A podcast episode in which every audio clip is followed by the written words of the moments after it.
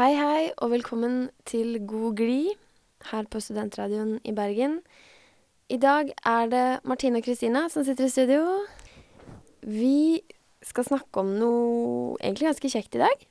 Ja, Stort sett er det det. Vi skal snakke litt om eh, graviditet. da skal vi. Men først skal vi høre en sang. Ukas album, 'Electric Eye', med 'Morning Light'. Det var altså ukas album, sangen 'Morning Light' med 'Electric Eye' her på Studentradioen i Bergen. Du hører på God glid med Kristina og Martine. Og i dag snakker vi om det å være gravid. Og det å få barn. Og hva gjør man da, Kristina? Det første en må gjøre, er jo og Hvis en vet en har, hvis en har tatt en graviditetstest, og vet en er blitt Eller den testen sier en er blitt gravid, så bør en jo oppsøke fastlege for å egentlig eh, bekrefte det, eller eventuelt avkrefte det. Mm. Mm. Så da er det første en bør gjøre. Kanskje kontakte barnefaren i Ja. sammenslingen. Og hos fastlegen da, så så blir man satt inn i et, eh, et slags opplegg. Da får man kontakt med jordmor, og så er man gjennom en hel del runder med testing, kontroller, man sjekker liksom fysisk stand, og så sjekker man gjerne Man kartlegger, kartlegger rett og slett litt den som er gravid, og ser på livssituasjon, hvordan er det med barnefaren, eksempel, er man sammen? Vet man hvem barnefaren er? Det er jo ikke alltid man gjør det, og det er jo veldig viktig med tanke på kanskje sykdommer som barnet kan få, genetikk, og ikke minst hele situasjonen, da. Det er jo kjekt å, at man er to Ja, i den situasjonen. Og det fine da, det er at ehm, fra den, den offentlige siden så er faktisk helsetilbudet helt gratis. Eh, for gravide barn så er det ingen egenandeler på helsetjenestene. Det visste jeg faktisk ikke. Nei. Og så er jo videre oppfølging og sånn, det, det er jo frivillig. Det er ikke sånn at du må til jevnlig svangerskapskontroll, men det anbefales jo på det sterkeste. Ta en ultralyd i ny og ne. Ja. Og det, men, for dette er jo veldig viktig, fordi eh, dessverre, litt trist statistikk, sier at eh, rundt 20 av eh, gravide de spontanaborterer i løpet av første, de første tolv ukene. Eh, og det er nettopp derfor det er så viktig med, med denne kartleggingen. Så da ser man gjerne på, på hvor god stand mor er, og hva slags liv hun lever, på en måte. Eh, sjekke blodtrykk, Ta gjerne en urinprøve for å se litt på hvordan, eh, hvordan mors proteinutskilling, om hun har mye blodsukker osv. Se på BMI, ikke minst. Det er også sånn at svært overvektige kvinner de har en høy risiko for å eh, føde altfor tidlig. Så tar man en del blodprøver for å se om man har eh, forskjellig Altså hva slags antistoff man har. Man har eh, sykdommer som hepatitt eller hiv eller røde hunder, herpes og så ser man på hemoglobin i blodet, ser på hvor godt blodet klarer å, å nytte seg av oksygen. Så følger man videre med da, på hvordan vok fosteret vokser, om det vokser normal hastighet, om det oppfører seg normalt, om det sparker, rører på seg. Eh, så lytter man på hjertet. Det kan man gjøre. Og så har det vært nå det siste en diskusjon på Jeg vet flere partier skal ta stilling til nå, altså politiske partier skal ta stilling til om om man skal begynne å innføre um, ultralyd eh, før tolvte uke. Det har de gjort i Danmark Ja. ganske lenge, og for eksempel så er unger med Down syndrom nesten utrydda i Danmark, Ja. faktisk. Og det er jo liksom det store etiske dilemmaet. Skal man, skal man ha den valgfriheten? Er det greit? Ja Altså, det er et veldig vanskelig etisk spørsmål, spør du meg. Mm. Eh, det kan bli veldig farlig hvis vi skal begynne å designe babyene våre. Mm. på en måte. For at en eh, Alle unger er Eller alle mennesker er jo forskjellige. Og det gir jo et mangfold i samfunnet. Mm. Eh, og jeg syns at barn med Downs syndrom har like mye rett til å leve. Eh, men selvfølgelig, det er jo tungt å bli foreldre til et barn med en eller annen form for funksjonshemming eller Mm. psykisk utviklingshemming. Det er ikke noe lett oppgave. Du er på en måte Da er jo det barnet avhengig av det resten av livet. Ja. Og så er det sånn, kan man på en måte Om man kan si det, kan man er det greit å kategorisere f.eks. at Downs syndrom, det er greit, men eh, en skikkelig tung eh, CP skadet unge, det, er, det blir for mye. Så det vil vi ikke ha. Skal vi liksom tillate oss selv å kunne velge fra øverste hylle? Det blir veldig vanskelig. En tukler jo med naturen. Ja, sant. Men det gjør en jo med veldig mange forskjellige ting nå til dags. man gjør jo det. Men jeg vet ikke. Jeg har alltid sagt at hvis jeg hadde fått en unge med Downs syndrom, så hadde det vært helt greit, på en måte. For jeg Mm. ser den livskvaliteten Mm. eh, de har, og for så vidt andre psykisk utviklingshemma. Når det var et verdig liv, hvem bestemmer hva, Ja.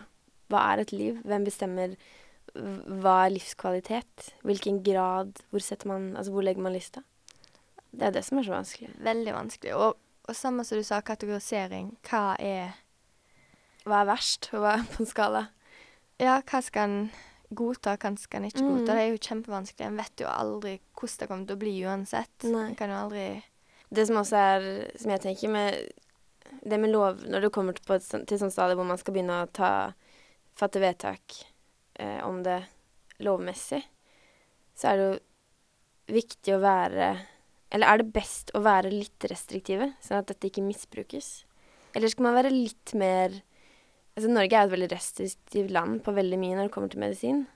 Det vanskelige her er at dette er et stort, stort tabu. For det er jo snakk om en, et foreldre-barn-forhold. Og det å f.eks. være en forelder med eh, et sykt barn, og så stå og si at eh, nei, dette skulle jeg ønske aldri hadde skjedd meg, eh, jeg vil egentlig ikke ha dette barnet, det kan man jo ikke. Og det, altså, man må jo Eller man, man endrer jo også kanskje Altså, det å få et barn er jo en stor eh, ting som jeg tror man egentlig ikke kan sette seg ordentlig inn i noen før de faktisk står i situasjonen. Jeg tror det også kanskje få et Selv om man får et funksjonshemmet barn, så er det jo ikke det man skulle ønske, men jeg tror man Eller jeg håper da at man har en sånn ubetinget kjærlighet til det barnet allikevel. Ja, det tror jeg nok. Og jeg tror òg at en kan jo aldri vite Det finnes så mange grader av alt. Det finnes så Mm. mange grader av Downs syndrom, det finnes så mange grader av CP, av fysisk utviklingshemming og psykisk utviklingshemming, at en kan ikke forutse En kan ikke forutse hvordan de vil klare seg i samfunnet på forhånd. Nei, Man kan ikke det. Pluss at jeg tror i, i ekstreme situasjoner så setter man kanskje så mye mer pris på andre ting enn det man kanskje gjør i å si, et normalt liv. Man setter bare pris på enklere ting, kanskje. Ved å se et barn Hva barnet ditt gleder seg over. Ja. Kan, Alt blir jo på en måte relativt. Man kan jo tilpasse seg alle mulige situasjoner og gjøre det beste ut av det. Mm. Så jeg er litt sånn eh, tvetydig på den det lovforslaget, altså. Ja. Det som er lovlig i Danmark. For det Enig.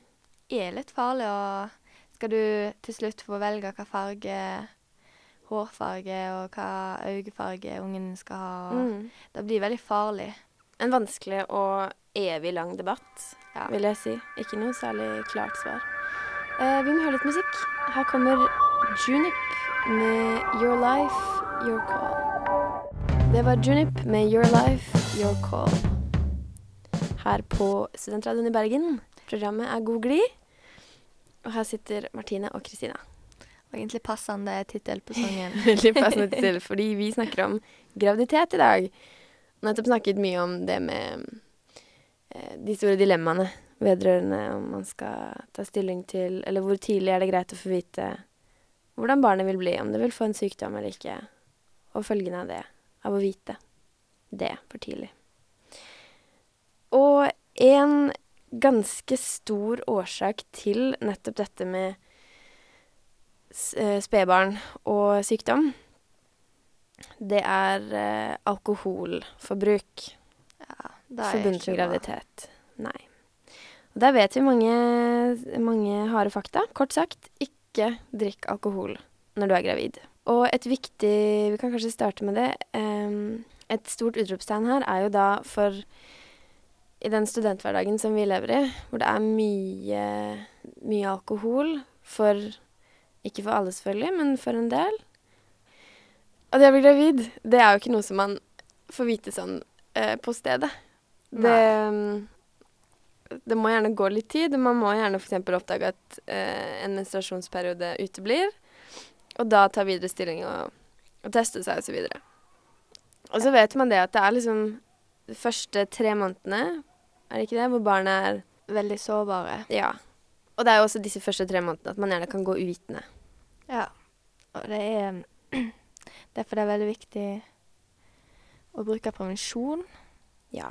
og det skal jeg snakke om senere, men bare være obs på at, at hvis en blir gravid, og en selvfølgelig ikke har planlagt det da, på en fest eller noe, så må en på en måte være obs på det at det kan skade barnet veldig med videre alkoholinntak. Og en vet ikke hvor tidlig eller seint det vil påvirke ungen.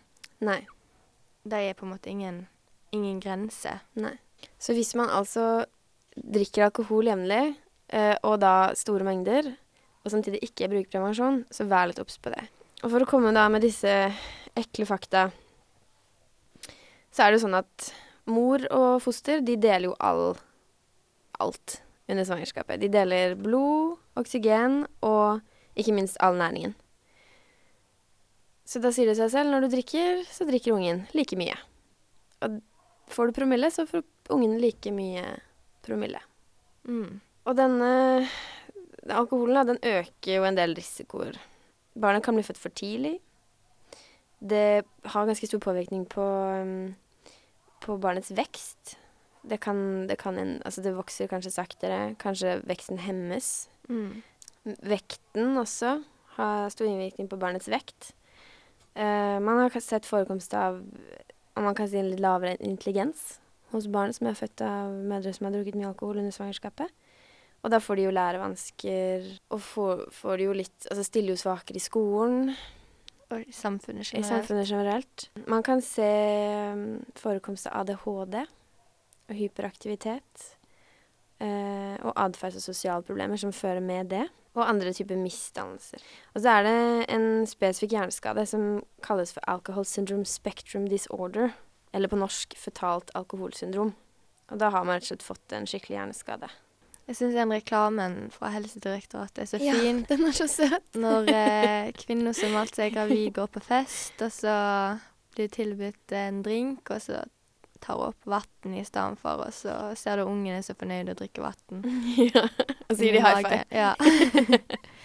Nei, ikke drikk under svangerskapet. Nei. Det er Alkoholen og svangerskapet er faktisk eh, den største årsaken til at unger blir eh, født med misdannelse Mm. eh, i Norge i dag.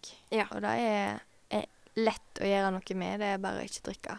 Og det er som du sa, du vet ikke helt når disse skadene inntreffer. Det kan være tidlig i, i barnets liv, det kan være sent, og det kan Altså, det er irreversibelt. Det er ikke sånn at hvis du drikker litt, så er det sånn Å nei, jeg kan bare slutte, og så, og så går det fint. Når skaden inntreffer, så er den, er den permanent, og barnet kan ikke bli friskt, og det, det er ikke noe som kan gjøres noe med. Nei. Men så er det jo det å si nei takk. For vi Vi lever jo i et samfunn hvor det er mye alkohol, på godt og vondt, til stede i en del sosiale sammenhenger. Og da Da kan det jo Altså selvfølgelig, en ville aldri tilbudt alkohol til en høygravid dame som man ser at er gravid, men så har de jo ofte det at det første, de første tre månedene, når det er veldig mye usikkerhet i forbindelse med svangerskap, så pleier jo ikke alle å si Det er ikke som man roper høyt ut til Gud og hvermann så fort man får en blå strek på graviditetstesten. Nei, absolutt ikke. Så så lenge folk ikke vet, så vil jo alltid alkohol bli tilbudt. Og hvordan sier man da nei? Eh, Eller hvordan unngår man? jeg har faktisk ei venninne som eh, eh, fikk eh, barn i eh, studietida. Og hun skulle feire bursdagen sin. Og hun var da gravid. Eh, skulle ha en stor bursdagsfest Ja. med stor mengde alkohol. Men ingen visste det, så hun eh, lurte oss alle og Der var jeg også. Ja, hun drakk alkoholfri vin, og neste dag er bare Gud så full du var, liksom. Men eh, hun var faktisk Hun var helt edru. Så dårlig. Hun hadde åpen bar, husker jeg. Og Mm. drakk. Og hun hadde fylt på Fordi vi husker vi også hadde sånn ost og vinkveld og sånn. Og da hadde hun Hun hadde fylt alkoholfri vin på andre vinflasker som hun tok med seg. Så ingen skulle merke det. Så da kan en gjøre hvis en ikke Mm. å fortelle det, og likevel vil på en måte For hvis en sier nei takk til vin, og du pleier å like vin, så går det jo opp litt. Da skjønner man det med en gang. Ja. Det er jo veldig unormalt. Så det er jo greit å, å gjøre det på den måten. Mm. Lure ting. Det finnes mange gode alkoholfrie viner òg som Ja. man kan nyte. Og det skal man vite, det fins tilgjengelig på alle utesteder, for det har de pålagt å ha. Alkoholfri, alkoholfrie alternativer. Og så det er gjort en undersøkelse da for Helsedirektoratet. Eh, Og da ble gravide og mødre med baby spurt om alkohol i graviditeten. Og um, da oppga heldigvis eh, 96% av disse at de hadde sluttet med alkohol når de hadde fått bekreftet at de var gravide. Og én av fem, faktisk 20% de oppga at de hadde drukket seg full før de visste at de var gravid, og da kanskje tett opp til eh, at de fikk vite det. Og at én av tre var, eh, de var bekymra for at de hadde drukket før de visste at de var gravid. Det er skummelt. Det er det er egentlig min verste frykt. At de Ja. ikke vet det, så har jeg vært på fest, og så La oss høre litt musikk. Her kommer Odd Nordstoga med 'Heim til mor'. Da fikk vi litt uh, applaus. Det var hyggelig. Det var uh, Odd Nordstoga med 'Heim til mor'. Nok en passende sang for dagens tema her på God Gry på Studentradioen i Bergen. Martine og Kristina er i studio, og vi snakker om graviditet. Ja. Så mor og barn altså er i fokus i dag. Og litt far også. ja. Eh, og så er det dette med fysisk aktivitet når du er gravid. Ja. Eh, og For det er det kanskje mange som lurer på når de blir gravide. liksom sånn, Jeg hadde i hvert fall fått helt hetta. tenkt sånn, Hva kan jeg gjøre nå? Hva kan jeg ikke gjøre? nå? Kan jeg trene Kan jeg like, trene like mye som før? Jeg Ja. liker å løpe og liksom trene hardt, da. Ja. Eh, men faktisk så blir det anbefalt at gravide kvinner bør være aktive minst 30 minutter sju ganger i uka. altså hver dag. Mm. Og det gjelder for de gravide som ikke har vært fysisk aktive før de ble gravide òg. Mm. For det er veldig viktig at en er i fysisk aktivitet selv, om, eller selv når en er gravid. Ja. Men du kan jo unngå veldig overopphetelse og veldig anstrengende fysisk aktivitet. Spesielt når det er varmt og sånn. Mm. At en tar visse forhåndsregler. Ja. Men trening og fysisk aktivitet da bidrar til å forberede kroppen til fødselen og barselstida. Og kan rett og slett hjelpe deg gjennom graviditeten. Og hvis du skal trene, sånn som du sier du liker å springe, Mm. så bør kanskje ikke intensiteten overstige 70-75% av maksimalt oksygenopptak. I hvert fall ikke helt eh, maksimal eh, intensitet på treninga di. Um, men selvfølgelig, pulsnivået ditt vil jo avhenge av hva alder du er, Mm. eh, hvor masse du har trent før, om du er i god fysisk aktivitet fra før av, og selvfølgelig tidspunkt i svangerskapet Mm. på et tidspunkt, når det har gått veldig langt, og du er i siste fase av graviditeten, så vil det kanskje begrense seg sjøl litt. Har en stor mage og Han sliter med å gå, tror jeg. ja, ja. Det er kanskje ikke like enkelt. Nei. Og så er det noe litt i veien. Det må jo være vanskelig å trene f.eks. styrke med vekter og Men moderat styrketrening går greit. Ja. Det er viktig å opprettholde muskelstyrken, og spesielt bekkenmuskulaturen. Ja. Den er jo veldig viktig under selve fødselen, og for egentlig forebygge bekkenløsning, som er egentlig veldig smertefull tilstand som en del får Mm. under graviditeten. Mm. Så det er veldig viktig. Så man kan rett og slett tenke litt at man skal opp holdt på å si litt som et maraton, da. At man trener seg litt opp til, til å være i stand til å føde. Det hjelper å ha en At kroppen din er sterk nok til graviditeten og fødsel, og at Og litt trening, selvfølgelig. En skal jo ikke, en skal jo ikke springe maraton ja, når en er gravid, men at en på en måte holder seg i aktivitet. Og trene, da tror jeg bare da, Eller da er sunt Mm. for kroppen. Og så er det vel en faktor i det at man Jeg nevnte det så vidt her i stad, at det med overvekt eh, hos gravide, det har jo sånn innvirkning på, på fosteret. Og det kan føre til premature barn. Ja. Altså for tidlig fødte. Så det å kanskje holde seg litt i form sånn sett òg, underveis, er ikke så dumt. Nei. Og i tillegg så er det noen som eh, legger veldig på seg Mm. eh, under graviditeten. Eh, kanskje de har mer anlegg for å legge på seg, og kanskje de tenker at ja, jeg eter for to, så jeg Mm. tar denne sjokoladen i dag òg. Ja. Eh, så legger de på seg Nå er det snakk om masse, sånn 20-30 kilo, og de blir vanskelig å få av seg Mm. etterpå. Mm. Eh, selvfølgelig skal du gå opp i vekt når du er gravid, det sier seg sjøl. Eh, og den vektøkningen som er normal, den, eh, den går som regel av Ja. når du begynner å amme og må springe etter ungen. Ja. generelt. ja, men det er jo kanskje det er greit å forberede seg litt på å være småbarnsmamma. Det er ikke Ja, bare for bare det. Nei, da tror jeg ikke lett. Eller det Jeg tror det er fysisk krevende Ja, på veldig jeg. mange måter.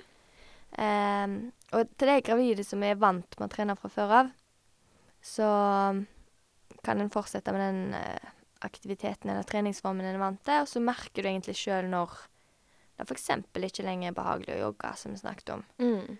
Og da kan du velge litt andre aktivitetsformer. Svømming, sykling. Litt sånn mindre belastende. Mm. Gå, bare gå òg. Ja. Men eh, noen forhåndsregler er jo greit. Som jeg sa innledningsvis, at en må ikke bli overoppheta når en trener hvis det er veldig varmt ute. Det er viktig. Og at en ikke skal trene når en har feber, for det kan Mm. skade fosteret. Ja. Men da er du kanskje ikke i humør til, eller, til å trene uansett. Og drikke mye vann, og ta på deg lett og ledige klær. Og ikke drive med sånne ekstremidretter. Det anbefales ikke. Sånn som kampsport, fotball og håndball, det anbefales ikke etter første trimester. For da kan Det er jo en ganske kontaktfull sport, da, som eh, Ja, du kan få slag i magen, en ball i magen. Ja. Så det er viktig å avstå fra etter et første trimester. Veldig bra. Så altså ikke vær redd for å holde deg i form selv om du er gravid. Det er bare positivt. Men selvfølgelig ta forholdsregler. Og spør ikke minst underveis. Man går gjerne som sagt til svangerskapskontroll, og da er det bare å høre med legen og med jordmoren som man møter der. Ja. Om hva som kan lønne seg, og hva som ikke lønner seg. Tror en vil kjenne det litt på kroppen sjøl òg. Ja. Etter hvert når en kanskje bør redusere Ja. nivået i treningen litt. Og jeg tror det er lurt å ikke liksom bli sittende i sofaen heller og si sånn 'Å nei, nå er jeg gravid, nå orker jeg ingenting'. Å, det er så tungt. Og liksom fokusere mye på For det er, det er jo en påkjenning. Det er det ingen tvil om. Ja, Mammaen min sa en gang det er jo faktisk livsfarlig for barn. Så det skal ikke kimse av det. Jeg tror det å, å bli for opphengt i alle begrensningene som det er å bli gravid, er en dum ting. Og kanskje det å komme seg litt ut og være litt fysisk aktiv, det, det kan kanskje sette, ta fokuset litt vekk fra det, og fokusere mer på de fine tingene. Ja. Det var et godt råd for mammaen din. Ja, mammaen min er klok. Nå har jeg lyst til å høre litt musikk. Her kommer The Shins med 'Wincing The Night Away'. Det var The Shins med 'Sleeping Lessons'. Jeg sa feil i stad. 'Sleeping Lessons', altså. En fin sang. Her i Studentradioen i Bergen sitter jeg og Kristina og snakker om graviditet på det flotte programmet God glid, som går hver tirsdag klokka tolv. Eh, og rett før sangen så snakket vi litt om det med å være i fysisk aktivitet, og viktigheten av det når man er gravid. Selv om man kanskje syns det er litt skummelt, Ja, så var det altså noe man, man anbefaler. absolutt. I forhold til det med ernæring og mat og drikke, så er det også noen gode råd som, eh, som man må ta til seg. Det er en del ting man må huske på at man trenger, og så er det en del ting som man kanskje må passe på at man ikke tar i seg. Sånn som man kanskje vanligvis ville spist. Ja. Så altså tenk generelt sunt. Spis fem dagen, unngå de dårlige fettsyrene. Spis, Få i deg fiber og proteiner, og kutt gjerne ned på sukkerinntaket. Det, det er fine, eh, fine, ja, fin, det er fine råd å ta med seg. Ja. Eh, men så er det noen ting en kanskje skal styre litt vekk fra, og det er rå mat, rå fisk, rått kjøtt.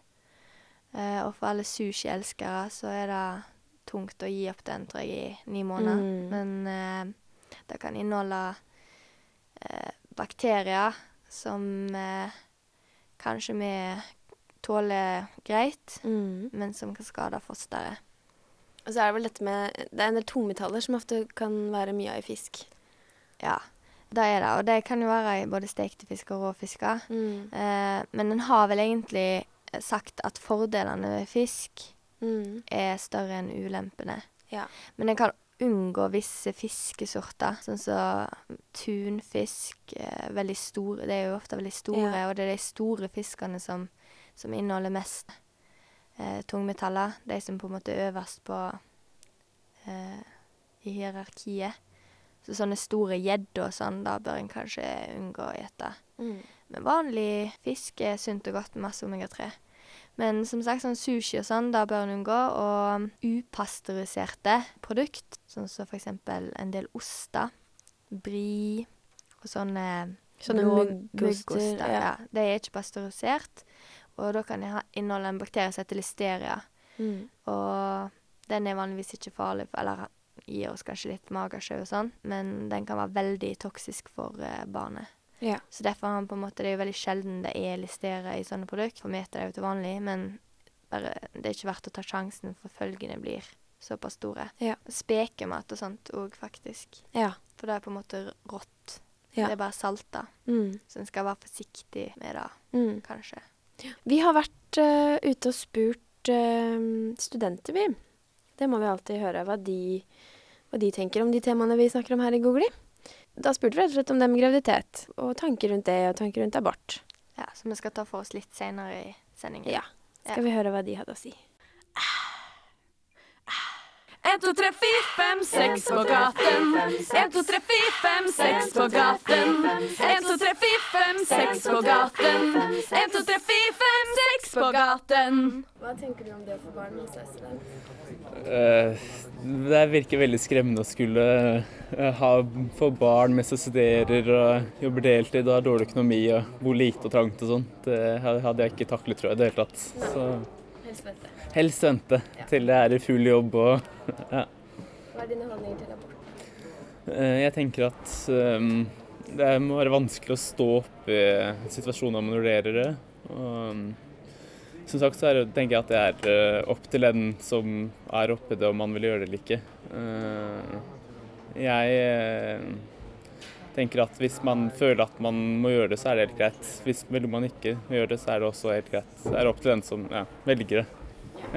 Hva tenker du om det å bli gravid mens du er student?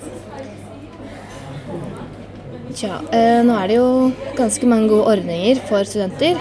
Men det beste ville vel kanskje vært å vært ferdig med studiene og vært i jobb, da. Hva tenker du om det å eventuelt få barn mens du er student? Eh, Det mener jeg er ganske upraktisk, kanskje. Fordi at det tar veldig mye tid det å være foreldre. Og så skal du bruke mye tid på studier. Så hvis man har klisterhjerne, så går det kanskje greit. Men eh, det ellers eh, Personlig kunne jeg aldri tenkt meg det. da. Nei. Hva er dine holdninger til abort? Det mener jeg er opp til den som skal være barn, egentlig. Kvinnen. Eh, altså selvfølgelig En mann må jo ha noe å si, men eh, ja, det er jo så, tross alt kvinnen som skal bære frem barna òg, så det er egentlig en problemstilling som jeg syns det er ganske vanskelig å ta stilling til. Hva tenker du om det å bli gravid mens du er student? Um, nei, det spørs jo litt på alder og litt hvordan livsstil du har, om du har kjæreste eller om du ikke har kjæreste. For meg så jeg er student, og da hadde sikkert gått fint om jeg hadde blitt gravid, tenker jeg. Ja. Mm. Er du i et fast forhold? Ja. ja. Mm. Men hva er dine holdning til abort? da? Eh, da mener jeg opp til hver enkelt. Da, jeg syns en bør kanskje, hvis en ikke vil ha barnet, så syns jeg en kan ta abort hvis det er en ønsker. Syns du mor og far skal ha lik stemme i den avgjørelsen? Eh, kommer litt an på situasjonen, egentlig. Men alt i alt så er det jo opp til, til mor, vil jeg si. Hva tenker du om det å bli gravid mens du er student? Eh, hvis du er i et forhold så, og det er stabilt, så tror jeg det går greit. Ja. Det tror jeg. Men hva er din holdning til abort? da? Jeg er ikke så veldig for det, men det er, det er litt veldig sånn vanskelig tema å svare på. fordi at det er noen, noen ganger jeg er for det. Type hvis noen blir voldtatt, ikke ønsker å ha barn, er for unge. Så går det fint. Det er opp til hver enkelt. Jeg personlig ville ikke gjort det. Syns du det skal være lik stemme for både far og mor i en sånn avgjørelse? Ja, det syns jeg. Hva tenker du om det eventuelt for barn mens du er student? Um, jeg tenker at det hadde vært utfordrende å få til å gå rundt eh, økonomisk og praktisk. Så det er ikke noe jeg hadde en ønskesituasjon. Nei. Hva er dine holdninger til abort? Ehm, jeg tenker at det er opp til eh, hver enkelt hva de velger å gjøre. Og jeg tenker sånn i utgangspunktet at eh, det ikke er opp til meg å på en måte si noe på andres vegne om det er riktig eller galt av dem å gjøre det. Så ja. Det var uh, fine, gode svar. Ja, det syns jeg. Litt stort sett enighet om at det ikke var så stas å få barn mens man studerte. Jeg la merke til at mer jentene sa at det var kanskje ikke optimalt, men det ville, det ville nå gå greit Mm.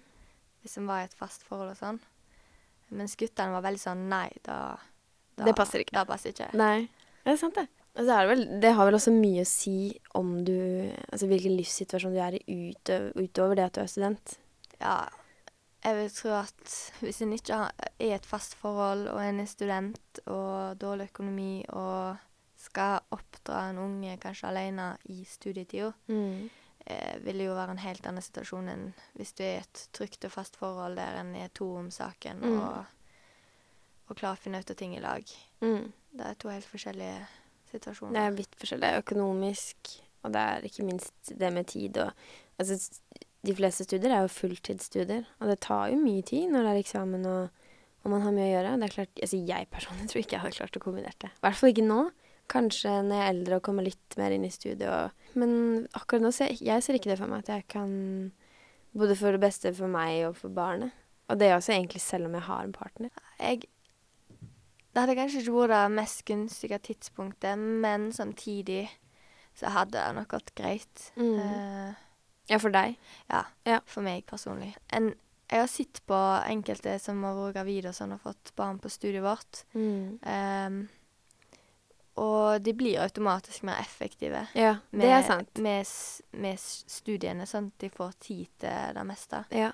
Og selvfølgelig, det blir jo en travel hverdag, men jeg tror en klarer å tilpasse seg det. ja. Selvfølgelig, hvis en er i trygge omgivelser og har en mann som eh, Kan steppe inn. Ja. Ja. Jeg tror Det er sant at du sier. Det, det, det er akkurat som man bare vinner en sånn evne til å være mye mer strukturert. Og eh, ha med kustus på alt man gjør. Fordi man må det. Fordi at hvis man ikke Sånn som Vi har jo ingen alle å tenke på enn oss selv akkurat nå. Sånn at hvis man vil utsette lesingen, så kan man det. Ja. Men har du en annen som er totalt avhengig av deg, så er det virkelig det er liksom, Du har visse rammer, og du må liksom fylle de med, med det de skal. Og så må du Jeg tror kanskje det er en sunnere på en måte studieteknikk enn Jeg kan sitte på lesesalen en hel dag og få svært lite mm, ut av det, mens de har kanskje bare tre timer de kan lese på den dagen, og Mm. de utnytter de maksimalt. mm. Så det er kanskje Du sitter jo ikke igjen med like mye valgmulighet. Nei. På godt og vondt, da. Ja. Herregud. Men det jeg tror jeg ville slitt litt med, at jeg var helt på en måte alene i min vennekrets, Mm. som har fått barn, og de spør om jeg vil være med på fest, og du kan jo på en måte ikke Du må jo legge litt av det sosiale livet ditt Ja. til side, iallfall for en god stund. Ja. Så da tror jeg kanskje det hadde vært litt eh, Og samtidig å ta permisjon, sånn at du kom vekk fra kullet ditt. Ja, da, du må dumpe kull. Ja, da hadde det ikke vært noe for meg. Nei.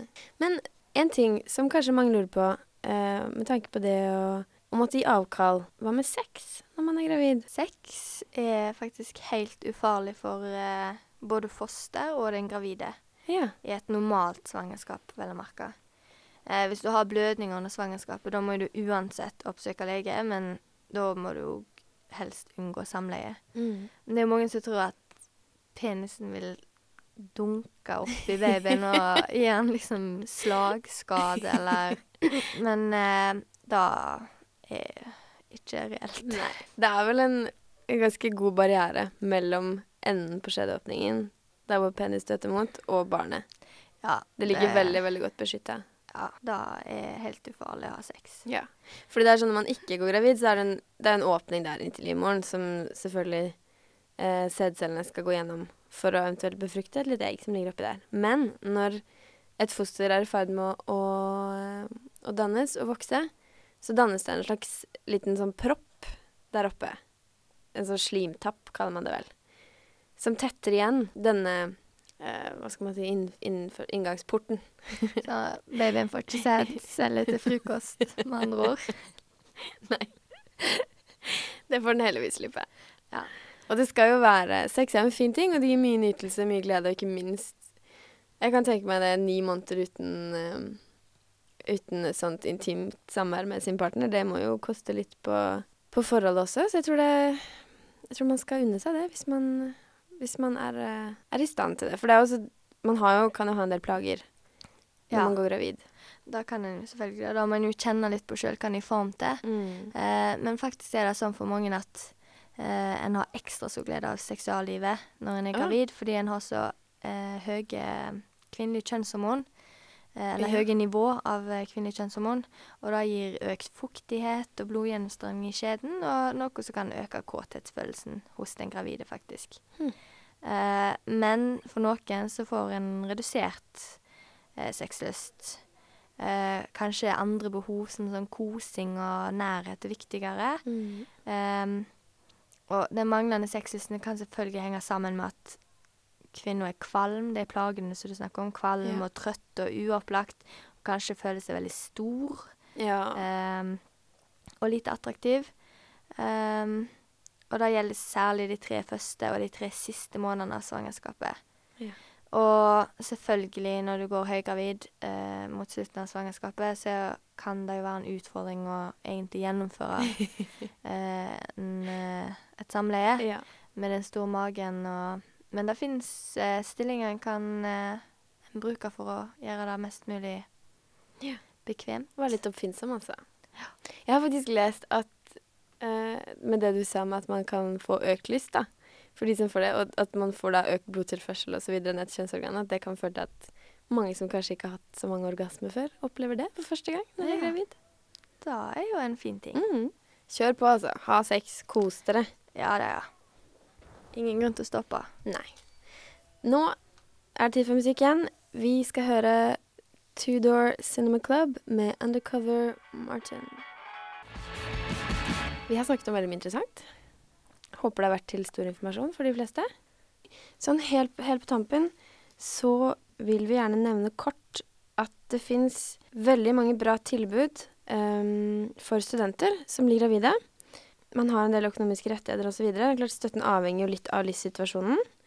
Eh, men hvis man går inn på sib.no og søker 'student og gravid' i søkefeltet, så kommer det opp en ganske fin side med mye god informasjon om eh, hvem du skal ta kontakt med, og litt hvilke rettigheter en har, og de tilbudene som fins, osv.